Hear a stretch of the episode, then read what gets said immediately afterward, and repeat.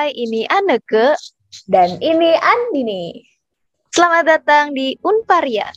Podcast Unpar Radio Station. Welcome to Unparian Podcast, the show that shares the working life experience as an Unparian alumnus. Sobat kampus, Unparian ada versi podcastnya nih.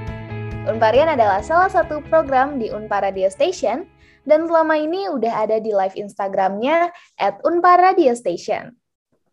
Nah, sekarang ada yang spesial, Unparian dalam versi podcast yang mengundang alumni-alumni kecenya Unpar. Penasaran kan? Yuk dengerin podcast ini sampai habis.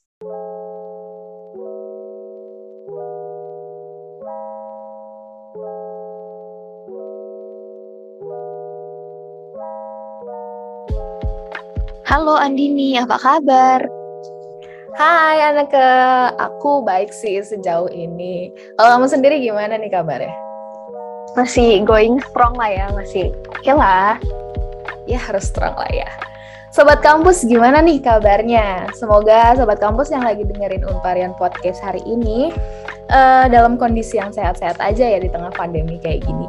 Jangan lupa tetap pakai maskernya dan ikutin protokol kesehatan yang ada ya Sobat Kampus. Bener banget. Untuk yang podcast hari ini kita kedatangan seorang alumni teknik industri yang lulus pada tahun 2014 nih. Halo Kak Alexander, selamat datang di Unpar. Unparian Podcast. Apa kabarnya nih Kak? Baik-baik, salam kenal semuanya. Oke, sebelum ngobrol lebih dalam lagi nih Kak, boleh nih kakak untuk perkenalan diri terlebih dahulu? Oke, kenalin semuanya. Nama gue Alexander Josephus Riki. Mungkin gue aktif di beberapa komunitas. Jadi mungkin ada yang manggil gue namanya Alex, ada yang manggil namanya Riki, beda-beda. Saya emang di sini dulu pernah kuliah di Unpar, salah satu alumni Unpar. S1 tuh dulu jurusannya Teknik Industri angkatan 2010.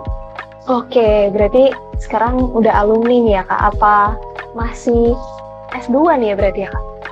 Ya kebetulan setelah bertapa bertahun-tahun itu ya tahun 2020 kemarin baru ngambil program S2 cuma memang pindah haluan sekarang ke Fakultas Fisip ngambilnya Magister Ilmu Sosial.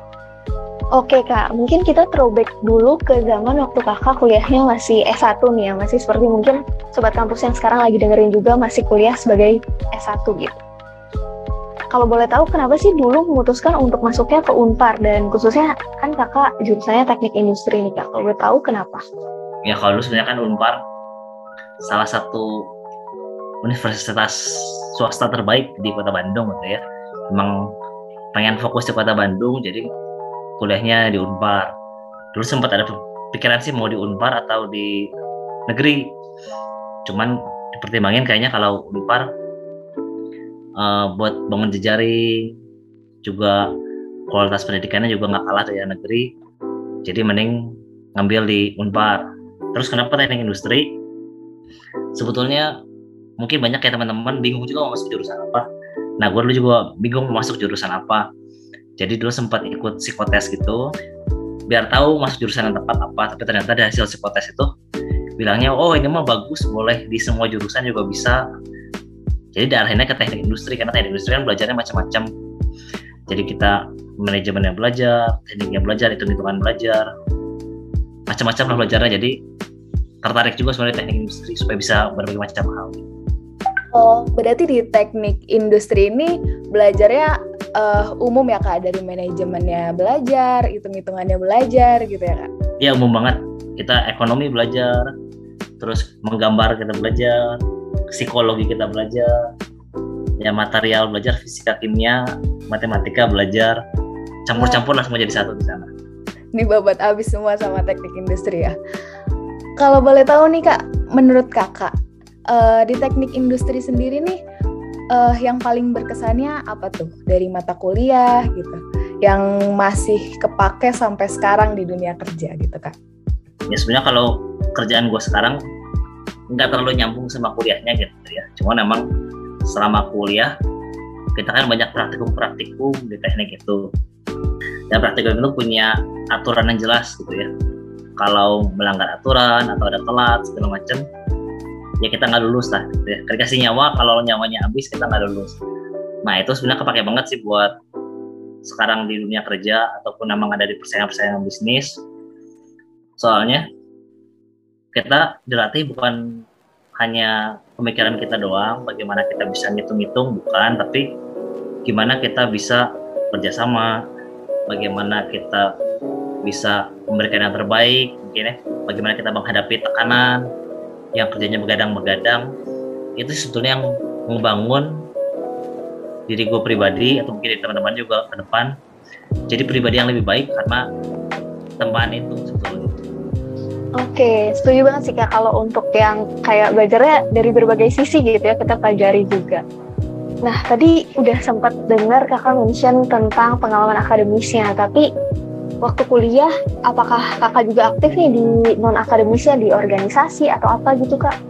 Nah sebenarnya kalau di kampus sendiri gue nggak aktif gimana sih di kampus beberapa acara kampus gue ikut jadi panitia gitu cuman kalau di luarnya mungkin lebih banyak aktifnya kita di ekstra jadi di intra mungkin nggak terlalu aktif di ekstra ya bergabung ke beberapa organisasi sih di sini Berarti selain kegiatan perkuliahan, ikutan juga berbagai organisasi yang di luar kampus gitu ya? Ya betul. Gue dulu dari zaman kuliah udah aktif di mana-mana sih. Salah satunya memang gue aktif di gereja. Kita di gereja aktif, lalu ada organisasi juga di pemuda Katolik. Lalu juga aktif sebenarnya yang banyak menyita waktu itu di KNPI, Komite Nasional Pemuda Indonesia. Nah, boleh tahu nggak kak, kenapa sih kayak memutuskan untuk selain kuliah, oke deh ikutan organisasi-organisasi juga. Kira-kira motivasinya apa sih kak? Kenapa mau ikutan organisasi di luar gitu? yang pertama memang pengembangan diri gitu ya kita ketemu orang-orang baru di sana orang-orang punya latar belakang berbeda-beda jadi kita belajar organisasi bagaimana kita berrelasi dengan berbagai macam orang terutama di KNPI jadi KNPI itu wadah OKP OKP itu organisasi kemasyarakatan pemuda. Jadi itu punya berbagai macam latar belakang. Jadi gue secara orang Katolik gue sana ketemu orang muslim ya ada yang dari Persis ada dari Muhammadiyah dan dari NU organisasi-organisasi lain ketemu sama orang pemuda Pancasila FKPPI AMS gitu ya. Bahkan di situ juga saking banyaknya kelompok di situ XTC Briges itu jadi satu juga di sana semua. Jadi punya ketemu orang berbeda-beda bisa aktif bersama-sama bangun relasi dan akhirnya juga banyak belajar sih di situ. Aku setuju sih kak sama tadi yang pendapat kakak makin banyak ketemu orang lain gitu terus jadinya pola pikir orang lain pun yang berbeda-beda kita bisa mempelajarinya gitu. Nah kak kan tadi kita udah bahas tentang akademiknya, udah bahas organisasi juga. Aku nih pengen pengen tahu hal-hal yang ringan dulu nih. Dulu waktu di Unpar eh, tempat nongkrong favorit kakak tuh di mana sih? Ya kalau di dalam Unpar itu dulu TI itu kan kita gedungnya setengah-setengah gitu ya. Kita kalau kelas di, di gedung 10 kalau praktikum di gedung 8 jadi dulu kita ada di himpunan itu namanya Saung di de dekat gedung 8 yaitu ada tempat-tempat duduk lah di luar. Biasanya suka nongkrong di sana. Terus kalau siang makan sih kita pindah-pindah biasa. Cuman mungkin yang menarik buat gue sempat beberapa kali ke sana dan memang betah di sana. Itu dulu ada tempat makan namanya Reneo sama Cowboy tempat itu sebelahan. Cuman memang waktu zaman gua kuliah itu ada wabah jadi hepatitis itu menyerang gitu. sampai banyak banget yang nggak masuk. Bahkan Unpar bisa kita nggak masuk kuliah asal ngomong sakit nggak perlu surat dokter nggak perlu surat rumah sakit karena hepatitis. Nah pas hepatitis itu yang Renio sama Kobo itu tutup disangkanya hepatitis mulai dari sana jadi sepi di situ. Oh alah berarti pernah ada gitu ya kak fenomena di Unpar yang seperti itu? Iya jadi banyak tempat yang dibilang jorok-jorok tuh malah jadi orang nggak pada mau ke sana jadi pada sepi gitu. Oke, aku jadi penasaran lagi nih kak. Selama kakak kuliah, pernah nggak sih ada kejadian unik atau pengalaman yang masih diingat sampai sekarang tapi dari kakak pribadi sendiri nih bukan kayak kalau tadi kan fenomena gitu ya di Unpar terjadi seheboh itu? Dulu pernah kuliah statistik. Mungkin kan salah satu kuliah yang susah tuh di TI dulu gue pernah UTS itu yang lain itu dapatnya kurang lebih 30 40 gitu ya. Nggak tahu gue lagi beruntung gitu ya tiba-tiba dapat nilai paling tinggi sangkatan nilainya dapat 80 cuman setelah itu karena sombong gitu ya kita dapat 80 ada kuis besar. Kuis besar itu gue waktu itu pas kebetulan bentrok dengan acara di luar kampus jadi gue bolos nggak ikut. Dan alhasil akhirnya ya dari UTS nilai paling tinggi sangkatan dan akhirnya dapetnya cek. Waduh, dari yang seneng banget dapat 80-an jadi langsung turun ke cek kita agak sedih ya kak. Tapi pengalaman berharga sih situ. Berharga banget sih ya. Jadinya ya jangan sombong gitu ya. Dari saat dari lahir udah sombong soalnya. Oke nih kak. Eh, setelah lulus dari TI kakak juga ambil magister ya kak? Ilmu sosial. Boleh ceritain nggak alasannya kenapa sih mau lanjut belajar tentang ilmu sosial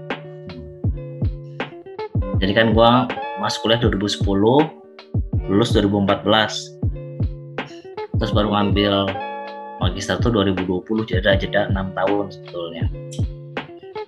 Jadi yang awalnya memang lulusan teknik industri cuman emang dari dulu itu karena udah aktif di berbagai organisasi gue tuh nggak mau kerja kantoran.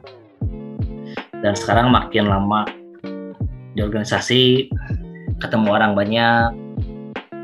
Akhirnya gue memberanikan diri masuk ke salah satu partai politik dan mungkin punya cita-cita baru pengen jadi DPR nah DPR itu kan background gue yang teknik industri mungkin nggak bisa menunjang banyak ketika harus mengerjakan kerjaan-kerjaan DPR jadi untuk mempersiapkan diri supaya kalau terpilih nggak malu-maluin gitu ya bisa bekerja dengan baik makanya kita ambil uh, magister ilmu sosial yang konsentrasinya sebetulnya ke kebijakan publik.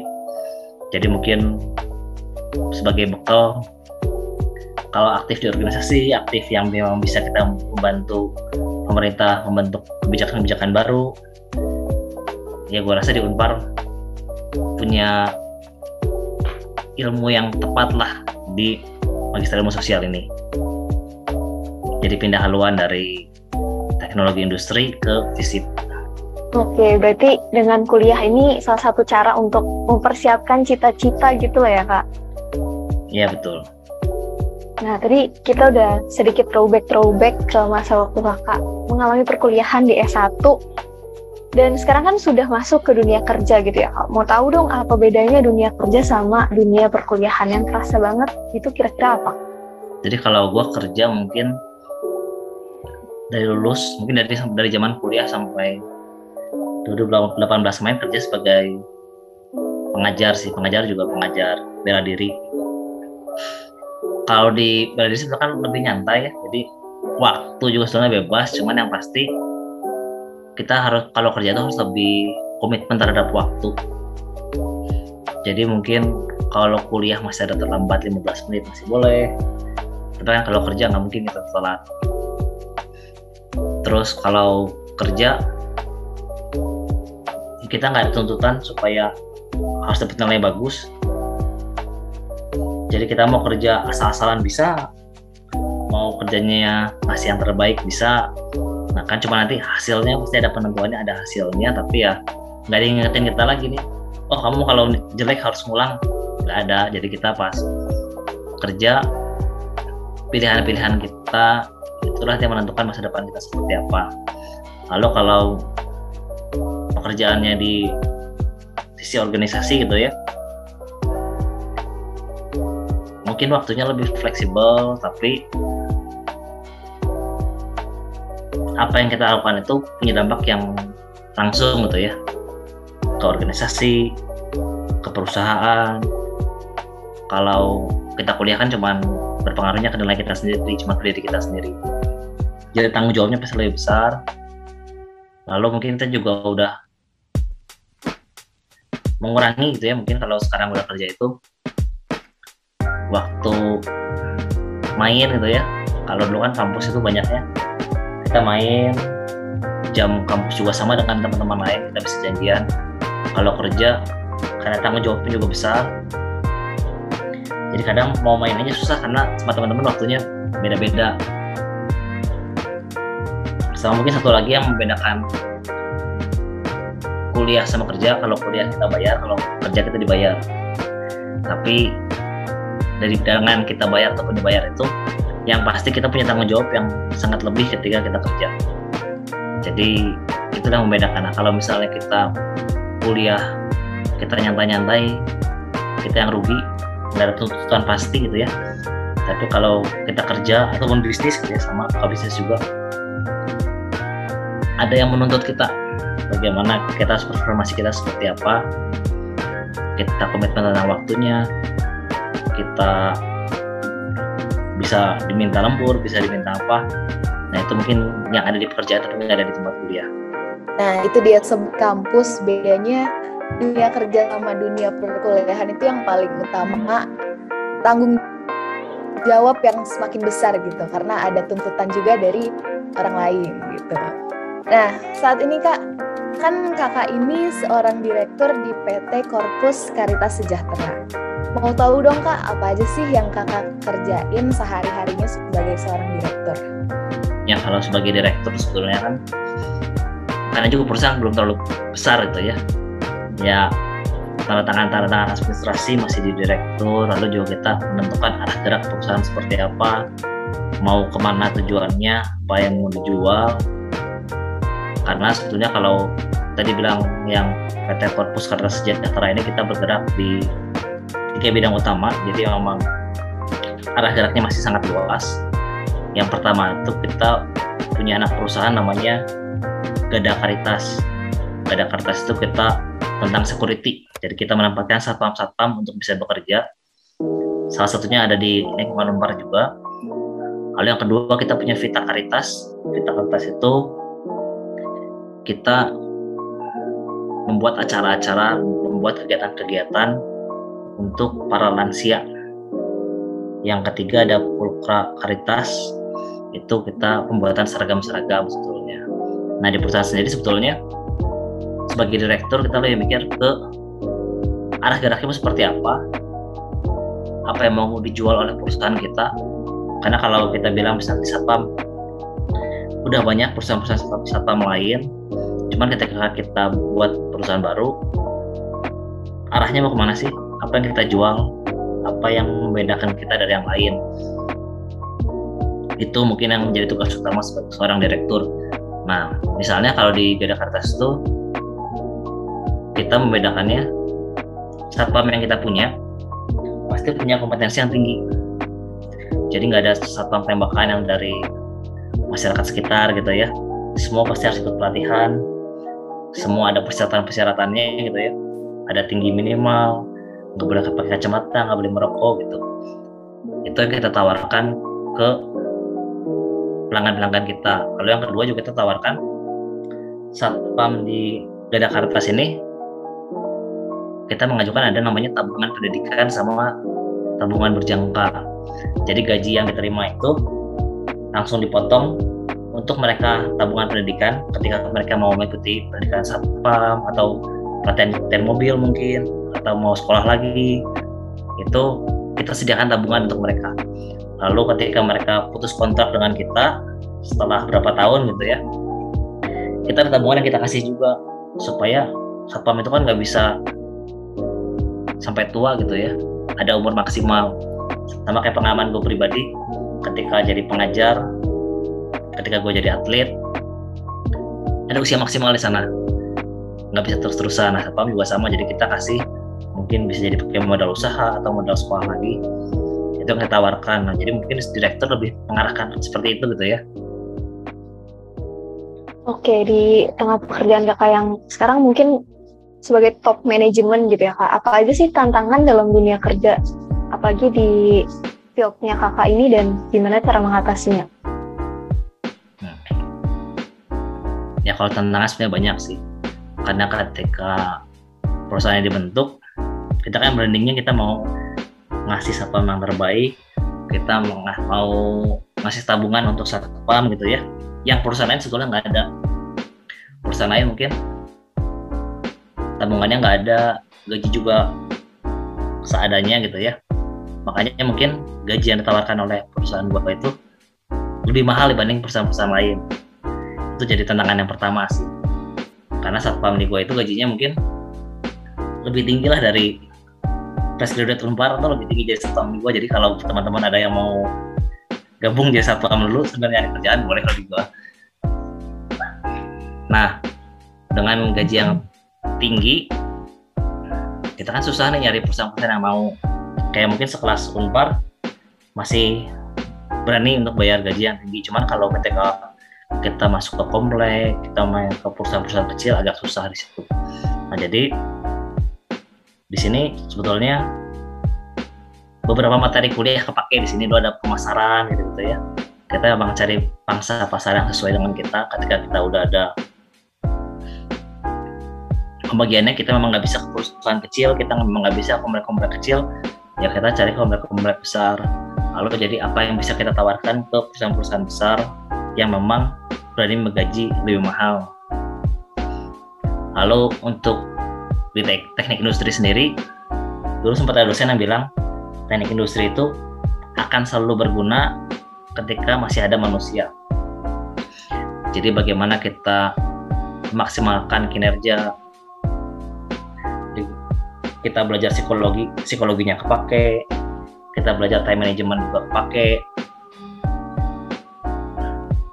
Terus buat perhitungan-perhitungan ekonomi juga kepake itu sebenarnya membantu banget sih buat di dunia kerja. Terutama di top manajemen gitu ya kalau disebutnya. Kita jadi tahu hal-hal kecil semua pekerjaan-pekerjaan yang memang dilakukan. Termasuk mungkin kalau top manajemen di perusahaan itu ya ataupun di pabrik mungkin lebih cocok buat teknik industri. Dengan tahu semua aspek di bawah walaupun sedikit-sedikit. Dan tentunya kita setelah lulus kuliah masih harus banyak mempelajarinya lagi. Itu jadi modal utama sih oke nih kak selain kerja kan kakak ikut organisasi lain juga tuh ya tadi nah alasan kakak sendiri untuk terlibat aktif dalam organisasi itu apa sih kak? Dengan organisasi itu awalnya kan aktif itu karena pengen belajar, pengen ketemu orang baru. Tapi namanya kita hidup berproses gitu ya. Dari awalnya mulai coba-coba, akhirnya tenggelam juga ke dalam gitu ya. Kita organisasi macam-macam gitu ya sampai sekarang. Membentuk beberapa organisasi baru juga. Kalau dibilang mungkin tujuan awalnya memang ingin berkontribusi juga terhadap masyarakat gitu ya. Mungkin kehadiran gua di organisasi organisasi itu bisa memberikan ide-ide baru membuat organisasinya semakin besar bisa semakin terlibat aktif ke kemasyarakatan. Kalau mungkin organisasi organisasi sosial mungkin lebih banyak masyarakat yang bisa dibantu. Ketika di politik lebih bisa membantu munculnya kebijakan-kebijakan yang pro terhadap masyarakat gitu ya. Jadi memang tiap organisasi punya visi dan misi yang berbeda-beda. Jadi mungkin tiap kali aktif pun ada yang beda-beda gitu ya. Kayak misalnya gue aktif di Unpar di Kika Unpar misalnya ya gimana pengen bisa majuin Unpar seperti apa sih Ika Unpar bisa lebih berkarya ke masyarakat misalnya. Tapi yang pasti ketika udah sering berorganisasi, punya pengalaman-pengalaman organisasi, ya pengen bisa lebih terlibat aktif di berbagai macam organisasi dan memang bisa memberikan kontribusi. Ketika misalnya kita bisa nyanyi, pasti pengennya nyanyi gitu ya. Kalau pengen bisa main piano, pengen tampil piano nah kita organisasi juga mungkin sama. Lalu yang kedua memang saya pragmatis kan aku juga punya cita-cita sebagai DPR pengen bisa jadi DPR jadi memang dari sekarang sudah mulai bentuk komunitas-komunitas ketemu-ketemu orang memperkenalkan diri dan kalau memang kita punya banyak organisasi kita punya banyak pengalaman semakin banyak orang yang kenal yang pertama. Yang kedua kalau track record kita organisasinya baik kita punya nama baik juga gitu ya. Jangan sampai kita cuma terkenal tapi nggak ada nama baik. Nah itulah jadi mungkin yang menjadi dasar kenapa gue aktif di organisasi-organisasi dan mungkin bakal terus aktif sih di macam-macam dan mungkin bakal semakin banyak. Oke, setuju banget sih kak tadi yang uh, apa yang kita miliki tuh sebisa mungkin bermanfaat dan disalurkan buat orang lain gitu ya kak.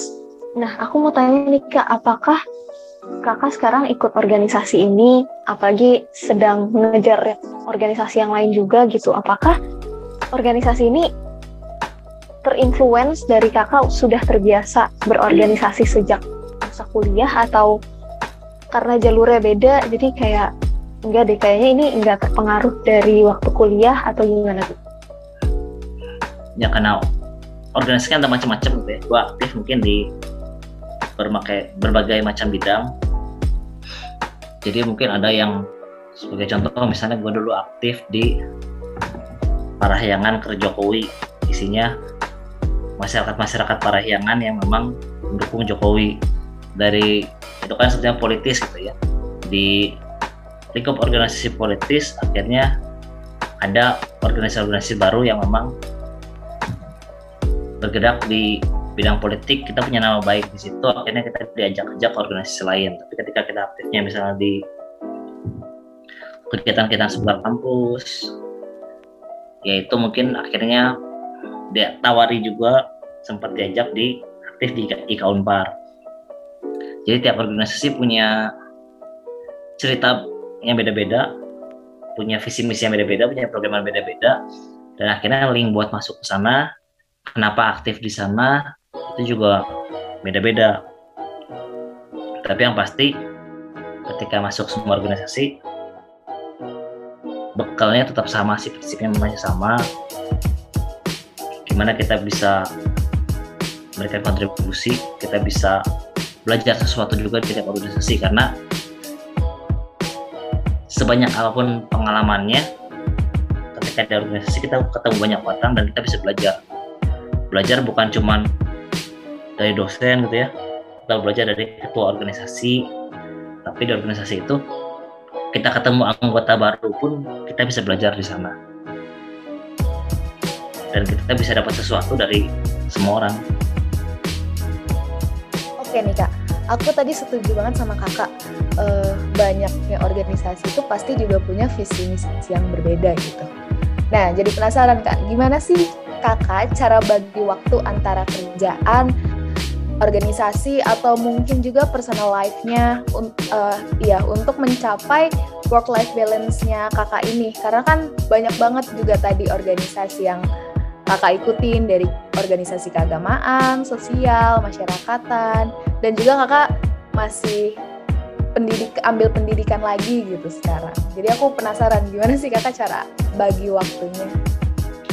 Ya untuk bagi waktu sih sebenarnya pasti sulit sih ya, karena waktu juga terbatas. Cuman yang pasti ketika kita memilih satu jalan pasti harus ada yang dikorbankan. Kayak misalnya gue ketika gue mau aktif di organisasi, dari awal kuliah gue udah memutuskan bahwa nggak mau kerja kantoran ya memang perlu waktu setiap hari minimal 8 jam bekerja. Jadi kita cari waktu pekerjaan-pekerjaan yang memang waktunya lebih fleksibel supaya kita masih bisa tetap aktif di organisasi kita masih punya waktu sisa. Lalu organisasi-organisasi juga memang pasti punya tingkat kesibukan yang berbeda-beda. Sebetulnya agak keteteran sih ya banyak cara-cara yang kontrol apalagi ketika kita di organisasi yang di tingkat masyarakat mungkin banyak acara-acara mendadak yang memang harus hadir.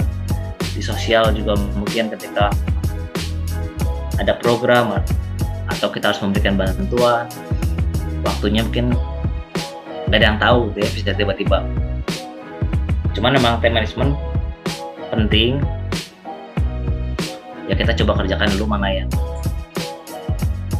kita bagi yang mana yang penting mana yang kurang penting. Lalu deadline waktunya kapan nanti mendesak atau tidak. Ya kita bagi jangan sampai misalnya karena kita menunda-menunda pekerjaan akhirnya kita terjebak sama pekerjaan-pekerjaan yang sebetulnya nggak penting tapi mendesak. Harus dilakukan sekarang. Nah itu kan sebetulnya yang berbahaya. Jadi hal-hal pentingnya itu terlewat. Lalu untuk pekerjaan sebagai organisasi sebenarnya ada organisasi-organisasi yang memang gue merasa cocok dengan organisasi itu.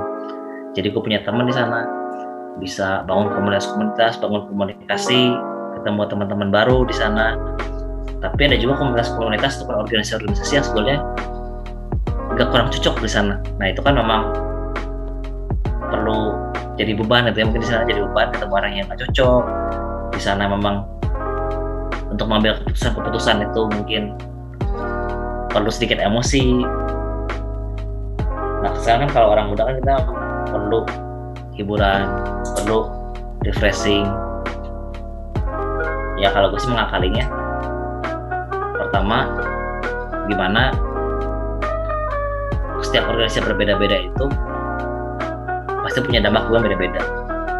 Ketika gue punya organisasi yang nyaman ya di situ gue sekaligus hiburan karena dibanding organisasi-organisasi yang memang harus pakai urat harus motor itu agak berat kalau di sana. Cuma kalau punya komunitas atau organisasi yang sehat itu sangat membantu sih ketemu teman-teman baru. Lalu yang kedua memang gue mau cari cita-cita gitu. Ketika mau cari cita-cita pasti ada yang perlu dikorbankan pasti kita nggak bisa um, hidup enak-enak nyantai-nyantai juga mungkin agak sulit. Tapi ada kepercayaan lah. Apa yang kita kerjakan sekarang nggak akan sia-sia untuk akhirnya. Kalau sekarang kita berusaha keras kita mengejar mimpi-mimpi kita setelah nanti terwujud itu kan pasti sepadan. Lalu yang ketiga di organisasi yang memang membuat gue nggak nyaman atau mungkin atau gue perlu hiburan. Karena bukan perusahaan yang punya aturan baku dan jelas gitu ya. Organisasi itu kan bisa semua orang masuk. Bisa kita mendaftarkan anggota bisa mungkin kalau yang berbayar kita bisa mendaftarkan staff segala macam. Ya lingkungan itu yang kita bangun. Teman-teman kita yang kita kenal kita ajak masuk. Jadi pas kerja bareng di organisasi juga lo ketemu juga sama teman-teman kita sambil main. Anggap aja sama kayak sambil kuliah. Nah lalu untuk pendidikan sendiri sekarang memang ambil S2 sebetulnya sekarang lagi rada nyangkut sih di tesis belum beres-beres. Tapi ya masih tetap peluangin waktu lah. Biar ada progres walaupun sedikit-sedikit karena memang gue juga merasa kuliah ini penting. Jadi banyak kan yang orang kuliah akhirnya nggak beres. Gue merasa kuliah ini penting dan harus beres. Tapi ya kita kerjakan sedikit-sedikit lah. Semoga bisa beres tepat waktu di semester ini. Mungkin itu sih untuk pembagian waktunya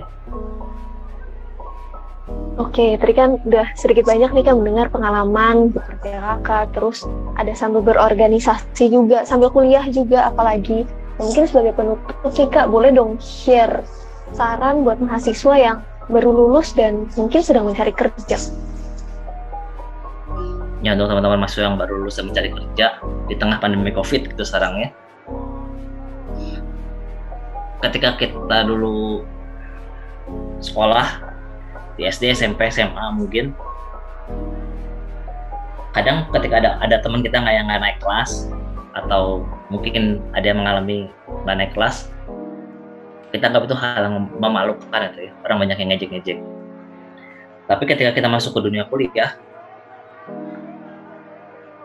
kita lulusnya telat nyantai kok sebetulnya. Ya banyak orang-orang yang lulus telat juga bangga. Apalagi kalau aktif di mana-mana lulusnya telat wajar Nah, sama ketika sekarang kita dunia pekerjaan. yang dulu naik kelas itu memalukan tapi ternyata di dunia kuliah enggak. Nah di dunia pekerjaan juga sama. Sebetulnya teman-teman nggak harus punya pekerjaan secara langsung karena mungkin agak sulit cukup mencari pekerjaan. Nggak harus memaksakan juga demi saingan gaji sama teman-teman yang lain cari kerjaan yang nggak enak cari kerjaan yang berat dan akhirnya membuat nggak nyaman terhadap pilihan itu. Kita kerjanya nggak nyaman kita kerjanya berat kerjanya beban.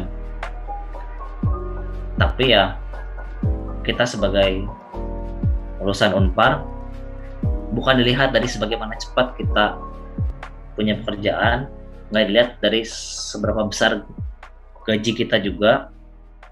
Tapi yang pertama kita cari pekerjaan yang membuat kita nyaman yang sesuai dengan keinginan kita. Mungkin banyak yang ketika lulus SMA jurusannya dipilihkan orang tua atau merasa salah ambil jurusan. Nah setelah lulus kuliah ini kita punya lembaran baru di hidup kita. Kita cari pekerjaan yang memang sesuai dengan minat kita sesuai dengan apa yang kita sukai supaya nanti di akhirnya nggak menyesal. Nanti perkara ke depannya sukses atau enggak kita misalnya merasa iri dari yang lain sekarang uang bukan segalanya tapi kita lihat beban pekerjaan kita seperti apa.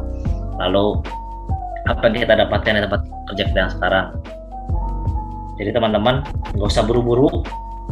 Harus punya kerjaan cepat harus yang gajinya tinggi tapi karirnya mungkin nanti malah terhambat karena punya beban yang tinggi pelan-pelan kita ambil pekerjaan yang kita suka. Kalau kita punya passion di sana kinerja kita pasti bagus. Kalau kinerja kita pasti udah bagus pasti kita akan sukses ataupun punya karir yang bagus. Mungkin itu. Jadi nggak usah dipaksakan aja. Yang nggak usah dipaksain. Yang penting yang pertama kita cari yang kita suka dulu. Itu pasti akan memberikan hasil yang lebih baik di kemudian hari. Karena hasilnya itu bukan dilihat sekarang ketika kita mulai bekerja tapi nanti ketika kita sudah bekerja mungkin 10 tahun 20 tahun Kalau tadi kan udah saran untuk mahasiswa yang baru lulus nih kak. Dini mau minta kak tips and trick buat mahasiswa yang mau lulus dan baru mau mempersiapkan diri masuk ke dunia kerja nih kak? Yang pasti ketika kita lulus itu kita akan menghadapi dunia yang berbeda antara perkuliahan dan pekerjaan. Memang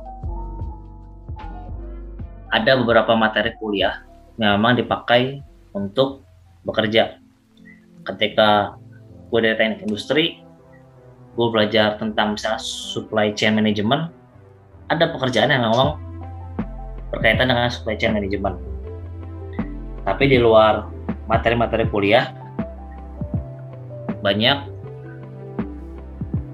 pengalaman-pengalaman atau keterampilan-keterampilan yang diperlukan di dunia kerja.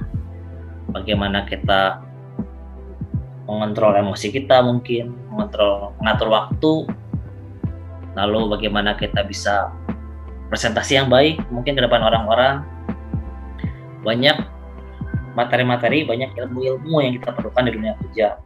Nah itu kalau memang kita masih belum lulus skripsi juga ada nyantai waktunya fleksibel coba kita bisa ambil beberapa materi-materi ataupun pendidikan-pendidikan ataupun pelatihan-pelatihan yang bisa kita ikuti yang akhirnya mendukung kita di dunia kerja misalnya teman-teman di sini dari mahasiswa nih semester 4, semester 6 sudah belajar dengan podcast, punya komunikasi yang baik, bisa berbicara dengan baik, itu pasti sangat berguna di dunia kerja.